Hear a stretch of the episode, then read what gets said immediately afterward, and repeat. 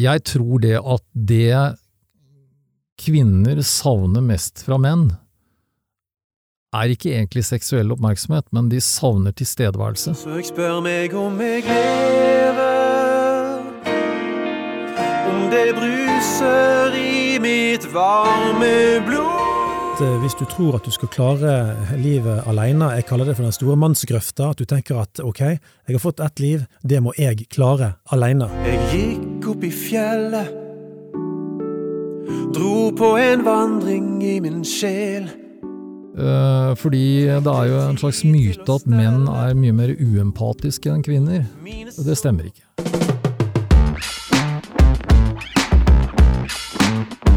Du hører Mannspodden, jakten på mannsidentitet. Bli med Andreas Skjelde og Einar Helgaas på din vei mot autentisk maskulinitet.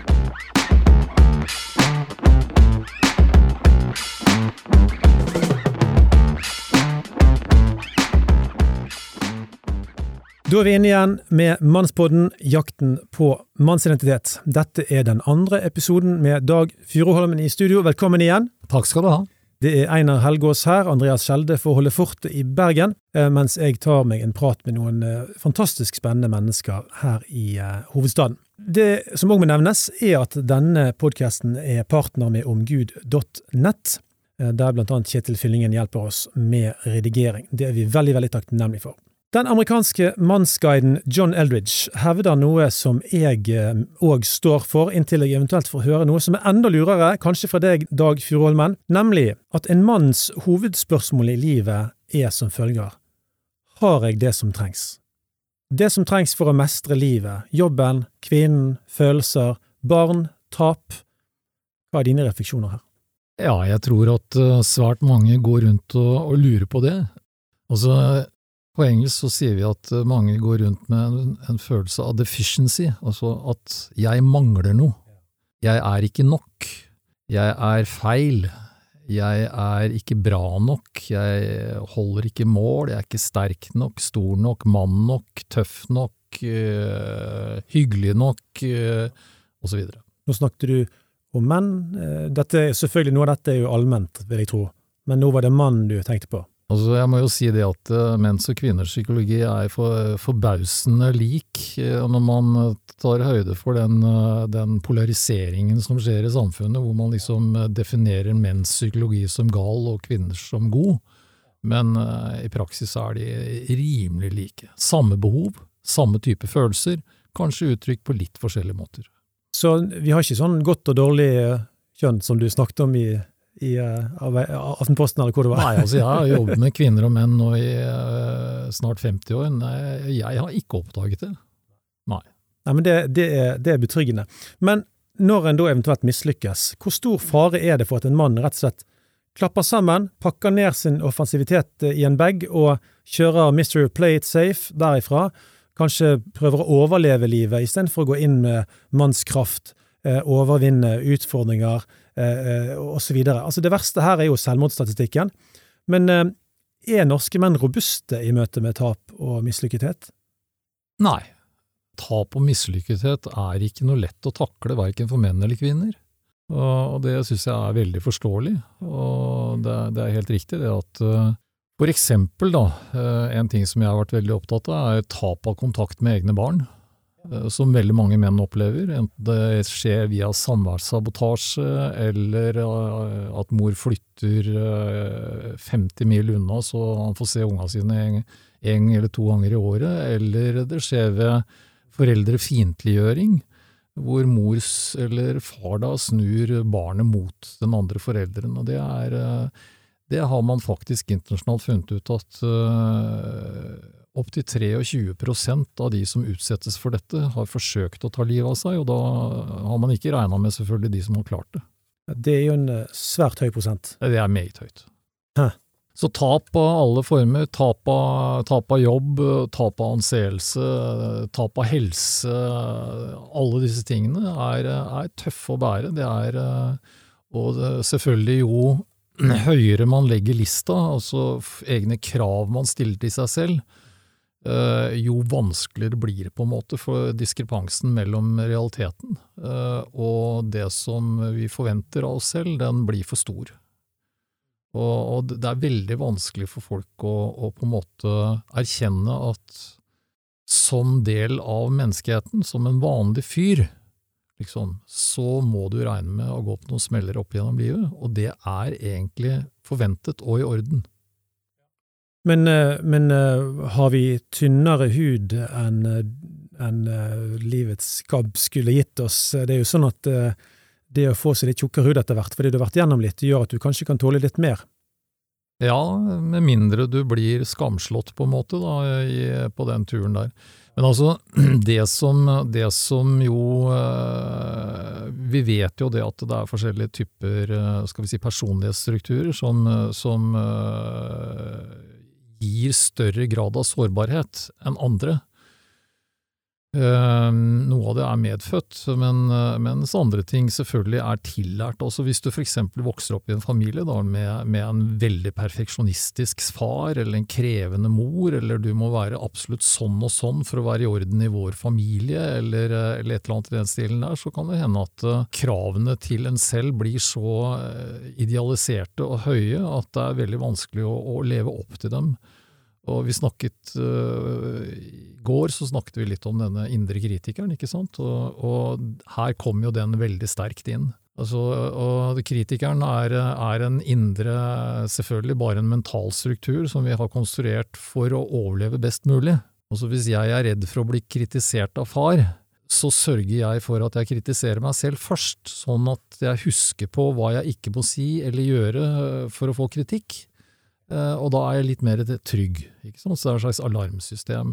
Eller hvis jeg er redd for at mor skal bli lei seg og skuffet og såret og vondbråten over min atferd, så, så, lærer jeg jo det uten at, det må jeg ikke gjøre, og det må jeg ikke gjøre, og så forteller jeg meg selv i fortsetningen at jeg ikke må såre mor eller såre kvinner.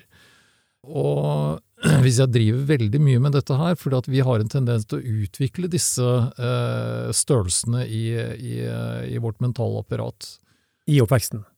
Ja, fra oppveksten og utover til vi eh, i, også i voksen alder, så stiller vi stadig høyere og høyere krav til oss, til oss selv. Hvis du for eksempel er blitt uh, havnet på den perfeksjonistleien, så er det jo sånn at uh, til slutt så kan du nesten ikke levere fra deg noe som helst, fordi du er aldri trygg på at det er godt nok. Du er alltid redd for å måtte skamme deg. Eller hvis du er på pleaser-rollen, så er det jo sånn at du, du, du, liksom skal hjelpe og bære og trøste alle, du må aldri skuffe noen, du må si ja til alt, stille opp på alt, si ja til for mange ting, og til slutt så løper du deg i hjel på, på, den veien også. Eller øh, overansvarlighet, ikke sant. Uh, jeg må, jeg må, jeg må, jeg må. Det er veldig vanlige varianter av disse her. Og da har man jo enten valget, så lenge man klarer å følge denne kritikerens krav, så kan man jo godt føle seg til dels eh, ganske fornøyd, men litt utblåst. Og de gangene man da ikke klarer å følge kritikerens krav, så får man smake pisken. Og da, er, da, da har man to valg, enten å reise seg opp igjen og ta seg sammen og bite tenna sammen og løpe videre, eller man kan velge å, å, å på en måte eh, kollapse Eh, gå inn i en slags asyl av depresjon eller eh, passivitet eller tilbaketrekning. Det er ikke noe vits i at jeg ringer noen, liksom, for ingen som liker meg allikevel. Jeg orker ikke stille på jobben, for jeg får ikke til noe allikevel, osv., osv..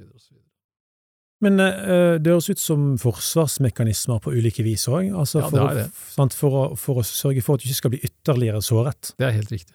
Ja, Men så tar en med seg disse disse strategiene, altså mestringsstrategiene, tar en med seg inn i voksen alder fra ja. oppveksten. Ja.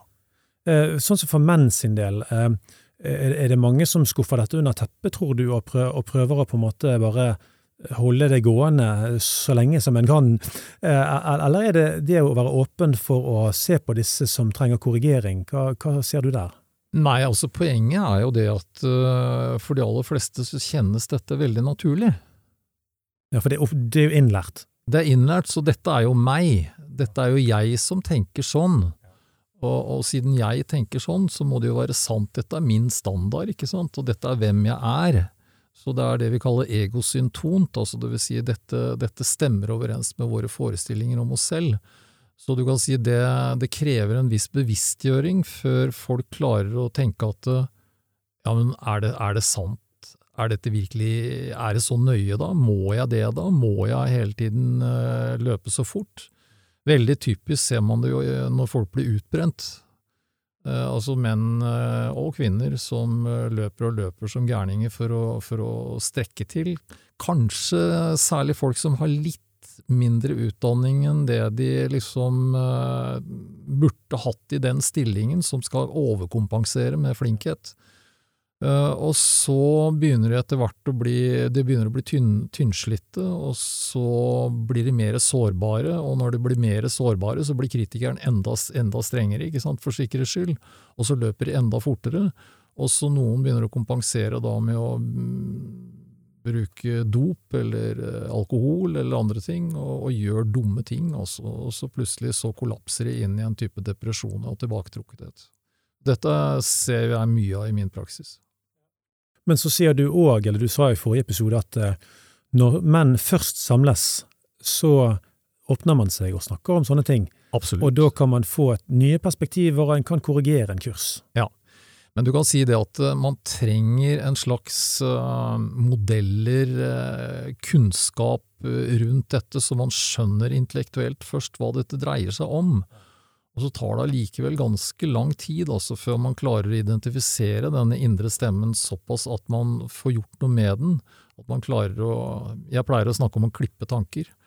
Uh, Istedenfor å drive og uh, tenke enten bakover i tid, hva, jeg burde og skulle og måtte ha gjort, ikke sant, eller framover i tid, uh, jeg kommer til å feile, jeg kommer til å mislykkes.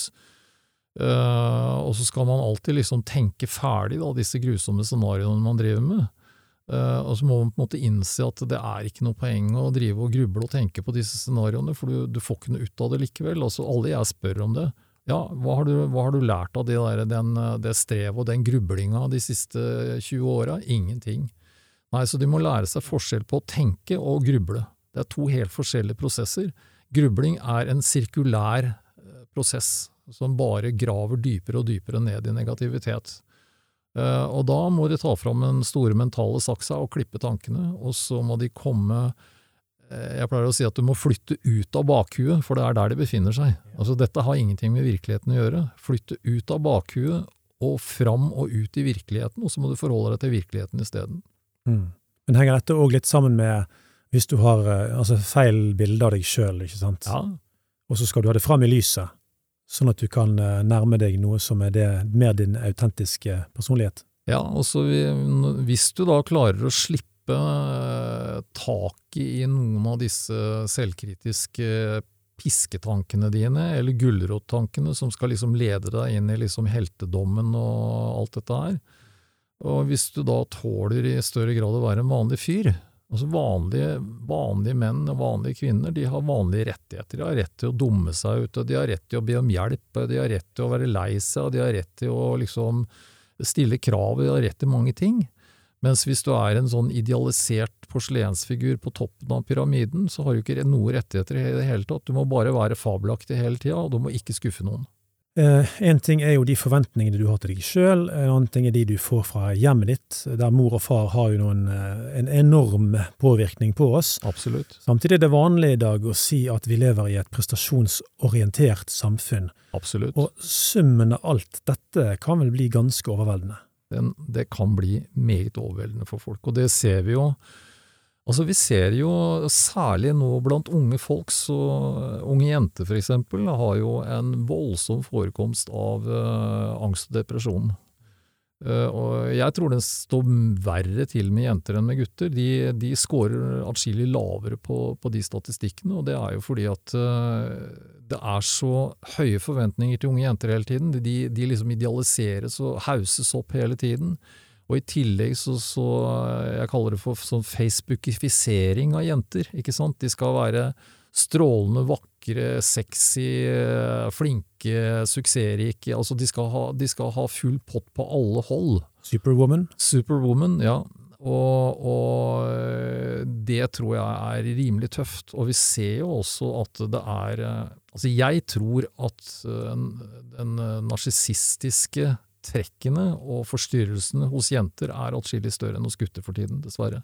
Du tror de samlede forventninger til jenter er med å bidra til å bygge Ja. opp under egoet Ja, ja. på den måten? Ja, det er jeg helt sikker på. Spennende tanke.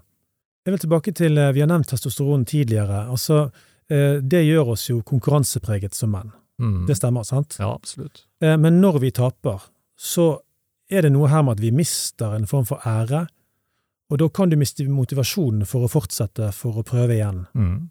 Du har jo nevnt ord som kollaps. Altså man Ja. kan kollapse fordi man tapte en konkurranse. Det var, eh, eh, eh, det var en, en, en mann som snakket til meg en gang om at han mente at eh, menns samtaler er forhandling om makt. Altså dette hierarkiet som du òg har Mm. nevnt tidligere. Ja, ja.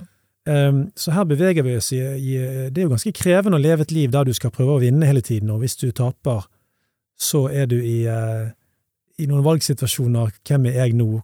Hva gjør jeg nå? Ja, altså, eh, maktkamper foregår jo hele tiden. Det foregår mellom menn, det foregår mellom kvinner, det foregår mellom menn og kvinner i parforhold, det foregår på arbeidsplasser, det, foregår overalt.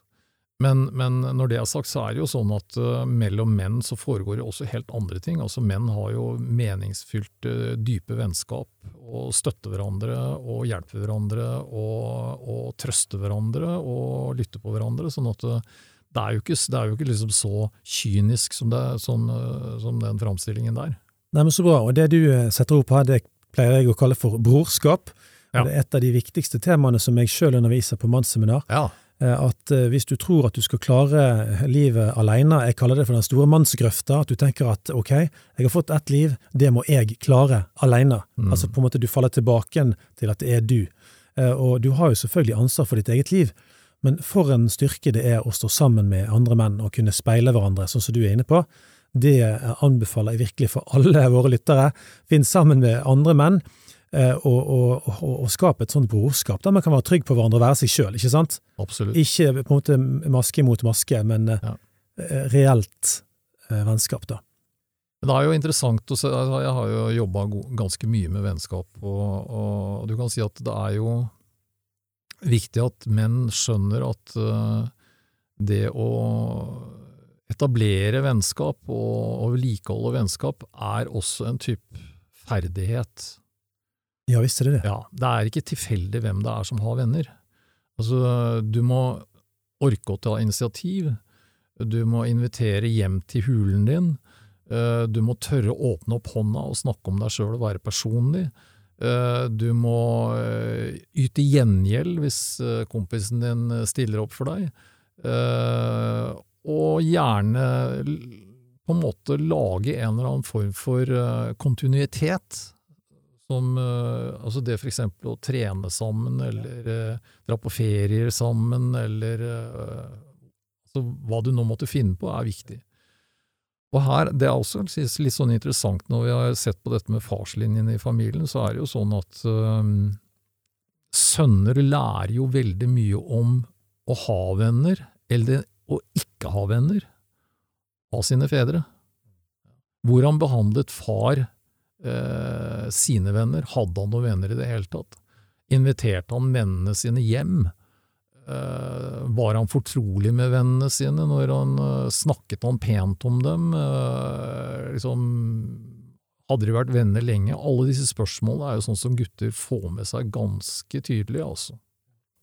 Og skulle jeg fulgt min far, så hadde jeg ikke hatt mange venner.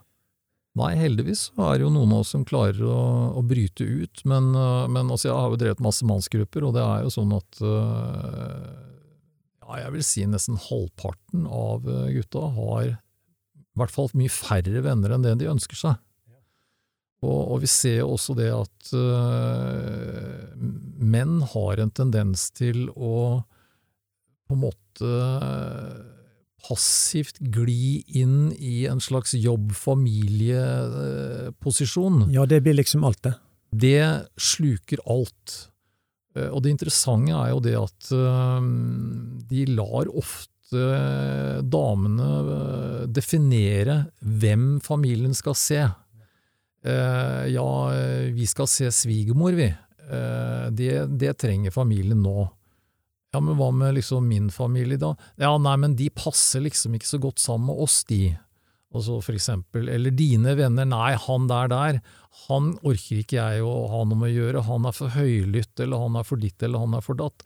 Og så aksepterer gutta dette her veldig ofte, så det blir en, ender opp med hennes familie og hennes øh, venninner, nærmest. Og øh, nå høres det jo ut som disse gutta er helt uskyldige, men de, de er jo ikke det. De må jo ta ansvar sjæl. Apropos det å stå i seg selv og være tydelig og, og på en måte stille krav. Og, og, det interessante er jo det også at, øh, at jentene trives egentlig ikke med at gutta liksom lener seg så mye på dem. De vil gjerne at gutta skal liksom trene, treffe venner hente ny inspirasjon. Det er bare at de vil helst at de skal gjøre det når det passer dem.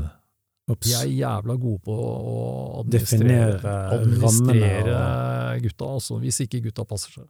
Men indre indrestyring som mann, altså det, være, altså det, at du har din egen autonomi, du har din selvbevissthet, du har ditt å gi inn i en familie og inn i et parforhold. Du beskriver jo en, en, en måte å leve sammen på der, der mannen er litt underkuet og følger kvinnens eh, reglement, på en måte. Eh, har du en eh, oppfordring til norske menn til å ja, være nå litt mer frampå og, og, og spille sammen som et team rundt disse spillereglene for familieselskaper og ferier og alt mulig? Ja, det er helt åpenbart at jeg mener at det, skal være et likeverd. Altså, eh, dessverre så etablerer det seg ofte liksom sånne områder Eh, noen, eh, noen ganger så er det liksom sånn Gamle mønstre er jo menn bestemmer hva slags bil man skal kjøpe, hva slags hus man har råd til. Eh, hun bestemmer hva slags sofa, hva slags farge man skal ha, hva slags bilde man skal ha på veggen, ikke sant? Ja, ja. og så videre og så videre. Og det er, jo, det er jo en håpløs måte å operere på, men, men det, det, på en måte, det gjenspeiler litt dette her med hva er egentlig likeverd? Ja. Likeverd er når du og jeg eh, skjønner at dine følelser og mine følelser er likeverdige. Om du er sint og jeg er lei meg, så er ikke det at jeg er lei meg noe mer høyverdig følelse enn at du er sint. Og det går ikke hjem i vårt samfunn i dag. Alle som blir lei seg og såret og krenket, har forrang framfor de som blir forbanna og, og, og tydelige og krevende. Og det, det, det, er, det, er, ingen rimelighet i det i det hele tatt. Du vil ha aksept for disse forskjellige typer følelsene? Det er akkurat like høyverdig å være sint som å være trist. Eh, og det samme er det med behov, ikke sant. Om du har behov for å se venner, og hun har behov for å, eh, liksom noe helt annet, så er jo ditt behov akkurat like, likeverdig med, med, med hennes. Men, men, problemet er at uh, i hjemmets uh, lune fred så har menn en tendens til å trekke seg for å unngå å bli avvist og unngå surhet. Og menn må jo tåle avvisning. De blir jo avvist sjøl ofte. Og, det, hvis menn ikke tåler avvisning, så er det også skrekkelig. Altså, jeg mener for eksempel Hvis en mann tar seksuelt initiativ overfor øh, kona si, og hun sier nei, du, jeg har ikke noe lyst i dag, og så skal han gå rundt og være sur i ei uke etterpå, det går jo ikke. Nei. nei. Hm. Men det er litt spennende, for vi begynte jo episoden her med å spørre om, om mannens hovedspørsmål er om jeg har det som trengs. Mm. Og da har jeg lyst til å spørre litt om kvinnen òg. Ja. Um, for jeg har hørt uh, tilsvarende tanker rundt kvinnen. Kan det hende at hennes største lengsel går rundt det å kjenne seg elsket, det å være etterjaget, være en manns skjønnhet? Akkurat det er kanskje ikke musikk i alle norske kvinners ører i dag, men du er fagmann, og du har snakket ikke bare mye med mange menn, men òg mye med mange kvinner. Ja da, det har jeg. Hva har du å si til dette? Nei, altså, jeg tror det at det kvinner savner mest fra menn, er ikke egentlig seksuell oppmerksomhet, men de savner tilstedeværelse. De savner en reell tilstedeværelse eh, med den andre. Og, og, det er klart at uh, hvis mannens uh, seksualuttrykk blir liksom forretningsmessig, og han ikke tør å vise attråd i det hele tatt, så blir det jo flatt og kjedelig. Så det er klart at det, det, det må jo være noe juice der, ellers er ikke det noe spennende heller. Men øh, nei, jeg tror at øh, dette, med, dette, med, tilstedeværelse er, er ekstremt undervurdert, altså. Det, det, er, er, min erfaring. Men hva, men hva, er dine hovedtips til menn som da merker kanskje at, at kona syns han er for lite til stede, og han plukker opp noen signaler og ser at ok, jeg må gjøre noe. Hva, hva er, har du noen hovedtips til menn på hvordan være virkelig til stede i, i, i samliv og familie? Ja, jeg kan i hvert fall gi ett tips, og det, det handler egentlig om empati. Uh, fordi det er jo en slags myte at menn er mye mer uempatiske enn kvinner. Det stemmer ikke. Altså dette, dette viser uh, forskning på, på, menn og kvinner og hjernen og hvordan de reagerer og alle de tingene der. Men det er en viss forskjell likevel. Vi bruker den empatien på en annen måte. Så hvis uh, en mann sitter sammen med, sin kone, og hun uh, forteller liksom at hun er lei seg for det, det, det liksom, uh, hun har blitt kritisert på jobben, eller sjefen er urimelig, eller et eller annet sånt noe, så ønsker hun at han forblir i det vi kaller empatisk resonans. Det er noe som heter speilnevroner, i, uh, som alle pattedyr har, som, som, på en måte er grunnlaget for at vi kan forstå spedbarna våre, for eksempel. Og det har både menn og kvinner i, i samme grad. Så, så når, når, mannen da eh, liksom blir litt sånn awkward, ikke sant, han, han tåler ikke helt eh, å stå i denne følelsesmessige resonansen, han syns det er så leit at eh, kona er lei seg. Han, han, vil fikse det? Han, blir, ja, han vil fikse henne. Ja, ja. Så han slår over eh, liksom, på den kognitive empatien isteden, og da skal han fikse.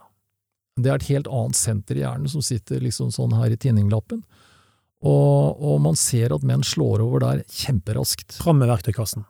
Fram med verktøykassa, og da føler hun seg forlatt. Så vi kan øve oss på å stå i den empatiske resonansen mye, mye, mye lenger, og høre henne ut, eh, det tror jeg vil være også en fordel for mange ektepar. Er det da vi skal stille oppfølgingsspørsmål og speile tilbake igjen heller enn å leite i verktøykassa? Altså, stemmer det at du nå sier at du faktisk Altså, du går inn i dette og ja, du kan godt uh, stille oppfølgingsspørsmål, men, men altså, det er et eller annet med å bare orke å lytte og stå i det og si at ja, det skjønner jeg, og det hørtes leit ut, og hvordan kjentes det for deg, og altså sånne helt enkle ting. Så um, det oppfordrer jeg menn til å uh, nærmest egentlig øve seg litt på, altså. Dag, dette er en god start. Eh, nå skal vi gå videre på et av våre hovedtemaer, nemlig psykologisk litenhet. Og jeg er jo så gira på psykologi, og jeg er veldig sånn lett å vinne med spennende terminologi, terminologi. Men før du forklarer mer, så skal vi dra til med et nytt sitat fra boken Mann, myter, løgn og sannhet, og det høres sånn ut. Mange menn lever i en verden hvor de føler at de er mindre enn andre menn, enten mindre maskuline eller svakere. De har en oppfatning av at de fleste andre menn er tryggere, mer selvsikre og mer populære enn dem selv. Vi kaller dette urealistiske synet for psykologisk litenhet. Dette må du utdype, Dag. Det høres ikke så veldig oppmuntrende ut. Nei, men det er normalt. ja, det er jo en trøst. ja. Igjen, det, vi må akseptere at vi er vanlige fyrer med styrker og svakheter. Så øh, det øh, vi kan ta utgangspunkt, det er litt uh, morsomt, da jeg drev også uh, skrev om dette, så uh, tok jeg tak i Adler, en gammel kollega av Freud. og han var veldig opptatt av dette med mindreverdighetskomplekser og, og storhetskomplekser. Ja. Og realiteten, da, når vi vokser opp, er at vi er mindre. Vi er små, vi er hjelpeløse, vi får ikke til ting. Eh, og hvis vi da møter omgivelser, eh, en pappa for eksempel, som hjelper oss å treffe spikeren og, en, eh, og male planken og sage litt og bygge bil for oss eller andre sånne hyggelige ting, ja vel, så, eh, så, kan det hende at liksom vi begynner å kjenne oss litt bedre, og dette går litt bedre, og det går langsomt framover, og vi liksom syns vi mestrer ting, og Så lærer vi kanskje gangetabellen, og vi lærer oss matte og så videre, og så far er eh, vennlig, tålmodig, hjelpsom og forklarende, ikke sant. Eh, og så da kan vi på en måte langsomt overvinne den følelsen av litenhet. Vi husker den nok fremdeles, men det blir ikke overveldende. Du kaller det en primær En primær, ja. En primær mindreverdighetsfølelse, som som er helt naturlig. Men så er det det at øhm, hadde, Jeg hadde en klient for en, øh, noen år siden som fortalte hvordan det føltes når han skulle sage en planke, og far sto der og liksom var. Sammenbitt dommer, og plutselig kom fars svære, harde hånd ikke sant, og sagde øh, og holdt oppå hånda hans, han ble ferdig på no time, ikke sant. Og den derre følelsen av tilkortkommenhet, litenhet, øh, utslåtthet, som han beskrev, øh, er ganske, det er ganske sterkt og ganske interessant også. Eller unger som øh, trenger hjelp med leksene, og som bare møter altså Er du dum? Eh, Nå må du ta deg sammen. Eh, Nå har jeg sagt det fem ganger. Eh, Nå, nå er det nok. Nå må du skjerpe deg. Eh, Jeg orker ikke mer av dette tullet ditt, liksom. Er du dum? Ja vel. Så jo mer man møter den type uforstand og sånne holdninger hos, hos foreldre, jo lettere er det selvfølgelig da å prøve å kompensere med å utvikle en slags overbygning, en slags maske av perfekthet og styrke og kompletthet, liksom. Men må du da jobbe som en tulling eh, videre Ja, ja. eh, i, i ungdomstid og inn i studietid for å bygge opp et slags reisverk for å, for å bære denne litenheten på en eller annen fornuftig måte? Ja, dette er jo et eksempel på det vi snakket om i sted, om kritikeren, ikke sant. Da har kritikeren mye å sette fingeren på. Mye å sette fingeren på, og er en, sannsynligvis også ganske primitiv. Altså sånn veldig dømmende. Ja, så du Ja. sier kanskje idiot til deg sjøl. Ja, ja, helt sikkert. Helt sikkert. Så, så det å Det å Det får jo også veldig mye sånne emosjonelle utslag, og det, det er litt interessant, fordi eh, menn som for eksempel har aggresjonsproblemer i forhold, eh, det kommer jo ofte av for eksempel eh, sjalusi. Det betyr jo egentlig at de føler at det er noen andre som er bedre enn dem. Nettopp. Eh, Det kommer av en slags følelse av verbal underlegenhet. Eh, Det kommer av en følelse av å bli eh, kastrert og tråkka på, styrt, dominert, alle disse tingene. Og da kommer denne litenheten voldsomt til syne inni dem, men ikke på utsida, for på utsida er det eneste de viser er raseri, ikke sant? Og så eh, dette med, med vold mot, eh, mot kvinner har ofte sammenheng med, med denne litenheten. Så det er svært alvorlig noen ganger også. Ja, og det er vel en maktesløs mann som tyr til vold? Helt riktig. For han har ikke nok andre jeg håper si, redskaper til å mestre de situasjonene. Nettopp. Nettopp. Ja, det, der har du sikkert snakket med mang en eh, kar som har trengt noen hjelp videre på veien. Ja, det er riktig. Eh, Jeg har lyst til å slenge inn en historie fra programmet Hver gang vi møtes. Jeg vet ikke om du har, hørt, eh, har sett det på TV? Mm, mm. Det var nemlig den unge nysgjerrige Chris Holsten som spør eh, Norges største popikon eh, Morten Abel. Ja. Han sitter egentlig og spør om Morten Abel er et menneske. Så han, om, om, om, ridder Abel også har hull i sin rustning, eller om han er så supercool som alle sannsynligvis tenker. Og det var et nydelig øyeblikk på TV, der Abel sier nei, nei. Så forteller han om at han òg kan kjenne på usikkerhet, og kjenne på at uh, du skal jo prestere som artist. Og, og det var et så nydelig øyeblikk av å se en, eh, en, en mann stå fram, òg med svakhet, da, Mm. som man kanskje tror at, uh, at er bare, bare, bare cool. Så en stor artist kan òg kjenne seg liten, men det bør jo altså ikke overraske noen ut fra det som du har sagt, Dag. Et sitat til fra boken. La oss trekke fra gardinen foran det maskuline ego, for å avsløre den lille gutten som skjuler seg der. Her snakker vi altså om alle menn, egentlig. Alle menn. Vi, vi er ikke så rå som vi har Vi drømmer jo gjerne om å være helten videre, men, Ja, ja. men, men vi må heller prøve å integrere altså svakhet og styrke i en eller annen slags balansert helhet. Det høres jo litt vanskelig ut, men Ja, det er litt vanskelig, fordi altså det som eh, altså sånn psykologisk sett, da, det vi, det vi eh, ofte gjør med, skal vi si, denne lille guttungen som, i hvert fall minnene etter han, bor et eller annet sted inni oss. Ja, Blir ikke kvitt de der. Nei. Og, og det vekker da ofte forakt i en voksen, streng mann. Han vil ikke vite av den delen av seg. Ok. Så, så hver gang den dukker opp, så, så skriker kritikeren, ikke sant, og da må man bite tenna sammen og ta seg sammen og, og, og løpe videre, eller uh, dominere, eller gjøre andre ting som uh, får en selv til å overbevises om at man er sterk. Men når en mann eh, kjenner seg utrygg, dette er jo et stort uh, område, men altså, hvilke forsvarsmekanismer eh, slår inn? Altså, er det alt fra angst altså, hva, hva er det som eh, tar en mann når han kjenner på usikkerhet i møte med diverse utfordringer?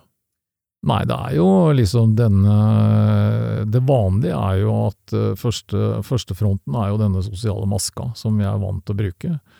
Vi trekker oss vel til en viss grad inni inn i oss selv og blir nokså kontaktløse.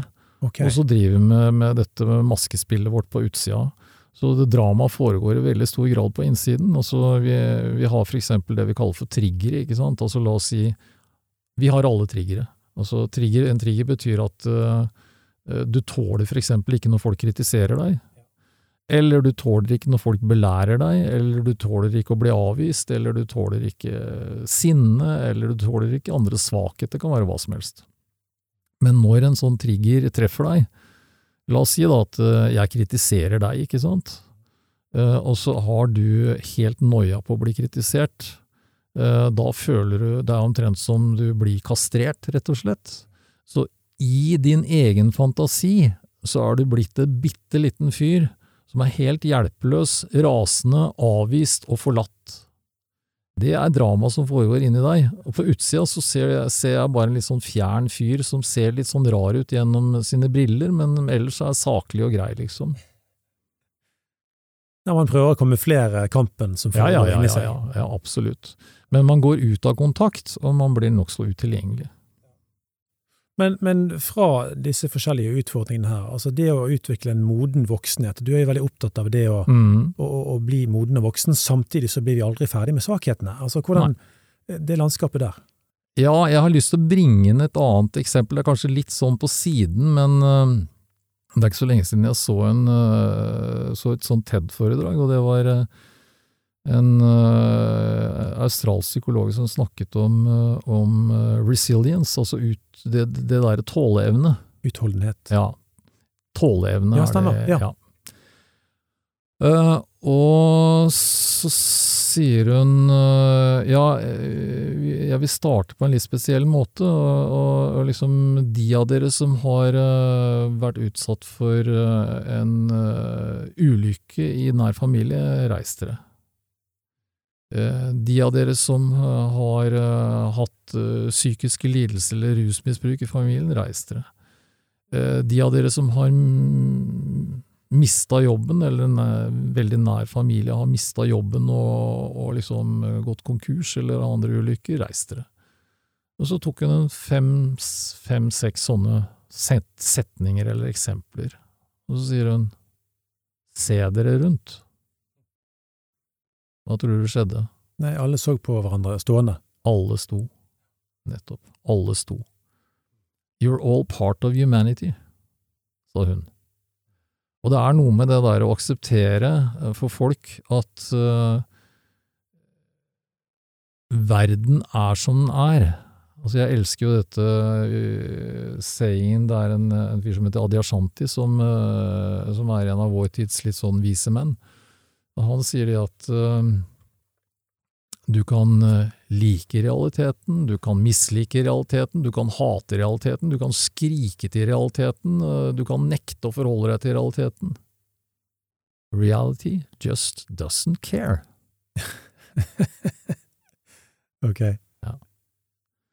Så det er en av skal vi si, psykologiens store mål, det er å lære seg å akseptere realiteten som den er, og så kan man selvfølgelig da skille ut hva man kan gjøre noe med, og hva man ikke kan gjøre noe med. Men uh, brygger ikke dette òg på banen det gode gamle begrepet aktør eller brikke? Hvis du ser på deg sjøl som en aktør, så vil du jo møte reality, du vil møte virkeligheten, og du vil, du vil jobbe med og mot den, holdt jeg på å si, du vil posisjonere deg, du vil være offensiv, mens hvis du bare er en brikke og opplever at, at uh, håper å si, lærere, kvinner, flytter deg rundt, og du er bare en brikke. Ja, det er, det er, nok ikke helt det samme, men, men, men det, det, der jeg, jeg, skjønner parallellen din, men, men det er et eller annet med det å tåle realiteten på en sånn grunnleggende måte at man faktisk ser virkeligheten som den er. Det er ikke så lett. Nei, det tar vel et liv, og så Det tar et liv eller to. Ja, Jesus da, i din tradisjon, eller ikke Buddha, ikke sant, de, de, var vel eh, litt på det sporet der, men jeg vet ikke hvor mange andre der. Nei, det er vel få som når det nivået der, det, ja. det er det ingen tvil om. Ja. Men, men, der ute i det norske samfunn, altså selvsikre menn, modne menn, kraftfulle menn som er trygge, modige, kjærlige, altså har dette spennet som du for så vidt mm. nevner i eksempler her. Ja. Er, er, det, er, det, få av de? Jeg tror ikke egentlig det, altså. Jeg har ikke inntrykk av det. Jeg mener uh, Vi snakker jo, har jo veldig mye fokus på de mennene som, eller de gutta liksom, som det går dårlig med, og som, som, ikke liksom funker i familien, og som er drittsekker og psykopater og andre fæle ting, ikke sant? Ja, ja, ja. Realiteten er vel at uh, eh, 95% av norske menn er helt i orden. Ja. Det er egentlig på tide at noen begynner å skjønne, altså. Nå sa jo du det en gang til, og det må jo bety at så lenge vi har litt lyttere i denne poden, så håper vi det sprer seg. Ja. De gode nyhetene om at uh, få menn som ikke funker, bør ikke få danne et narrativ som gjelder alle menn. Nei. Du, eh, dette med å ha en følelse av å være liten, som vi har vært inne på her, mm. altså, men det er vel ikke alle menn som kaster seg over livshistorien sin for å grave fram eh, gamle sår og illeluktende konfliktstoff for Nei. å behandle det og legge det bak seg? Altså, Det hørtes ut, ut, som en god idé hvis alle gjorde det, men, men det er jo Nei. noen steg inn i dette. Nei, jeg tror ikke det er en god idé hvis alle gjør det. Du tror ikke det? Nei, det tror jeg ikke. Ja, fortell. Nei, altså du kan si at uh, for veldig mange så vil det være litt sånn uh, unødvendig uh, graving og unødvendig slitsomt. Og, og noen tåler ikke å grave så veldig dypt i ting. De, de, de, blir enda skjørere av det. sånn at man skal Altså jeg jobba jo med, med rus i, i, gamle dager, og da da vi fikk inn nye klienter, så var vi alltid veldig sånn for de skulle fortelle livshistorien sin, og, og, vi måtte være veldig sånn forsiktige og hjelpe dem til å styre seg litt, sånn at ikke de liksom åpna opp for mye med en eneste gang, for det, det tåler de ikke. Ja. Så altså, du kan si at uh, når jeg jobber som psykiater, så, så ser jeg vel uh, ganske mye på liksom hva er, uh, hva er hensikten? Hva, er de, hva, kommer de for? Hva, hva er liksom målet deres? Eh, det er jo ikke sånn at jeg driver og graver i barndommen til alle, alle mine klienter. Også det, er, det er langt fra nødvendig. Kanskje er det mer enn nok å snakke om kritikeren, og så da kan man selvfølgelig dra en liten tråd tilbake til eh, hvor han var mor og far og sånn, men, men, hovedpoenget er kanskje bare det. Ja, ja jeg skjønner. Mm. Men har du noen avsluttende ord for denne, denne, denne episoden her om dette med altså sant, Vi snakker om psykologisk litenhet, og så snakker du om autentisk voksenhet. Har du mm. noen avsluttende ord som kan summere litt eh, en manns eh, behandling av dette, når man skal gå inn og være en trygg, god voksen? Ja, jeg tror at uh, helt generelt så er det jo sånn at en god, trygg voksenhet kommer av at vi integrerer disse delene i oss selv, at vi aksepterer dem. Og det er jo eh, altså Begrepet ego blir, blir brukt på veldig mange forskjellige måter, men, men du kan si det at uh, vi har en tendens til å, å skulle tviholde på én type selvbilde eller ego, uh, som er liksom litt perfekt, og så splitter splitter vi oss på en måte i to, sånn at liksom den, den delen som er den perfekte og den gode og den, eh, den som kritikeren finner i orden, den, eh, den prøver vi å tviholde på. Facebook-egoet? Ja, og hver gang vi ramler inn i den andre siden, så, så er det akkurat som den skilleveggen vi har laget mellom de to delene av oss sjøl, da. Den gjør at da får vi ikke lenger kontakt med styrken vår, vi får bare kontakt med svakheten, og så blir vi fortvila. Så du kan si jo, jo tynnere den veggen er, jo, jo, mer skal vi si, åpenhet det er mellom disse to sidene, jo mer integrert vi kan leve i begge disse delene, øh, jo bedre vil vi ha det, jo mer rolig liv vil vi ha, jo mer selvaksepterende vil vi være. Så bra. Nydelig. Jeg håper eh, dere som har hørt på oss nå, har tatt til oss her mye spennende, både kunnskap og inspirasjon, til livet, til å reflektere over seg sjøl og finne tak i styrke til alle mulige ting i livet. Vi eh, kommer til å fortsette med Dag i flere episoder. Eh, nå avrunder vi her, og igjen, som vanlig, hvis du liker dette, del det med dine venner på sosiale medier, spre det til kamerater, og gå veldig gjerne inn på Apple Podcaster og legg igjen noen stjerner og en liten kommentar til oss der. Det er vi takknemlige for. Og i tillegg, Instagram, der skjer det ting, og Facebook-gruppen, der får du også fagstoff. Så da sier vi på, eh, på, på godt norsk tusen takk for nå. Jeg kjente at jeg levde. Mens du venter på neste episode, del gjerne Mannsråden med fem andre menn, så de kan koble seg på jakten på mannsidentitet i en kjønnsnøytral tid. Hvis du ønsker å lære enda mer om denne tematikken, følg Mannsbåden på sosiale medier. Vi snakkes. Som voksen med tvilen hadde jeg det som for å gå siste milen. Da var jeg redd for å gå meg vill?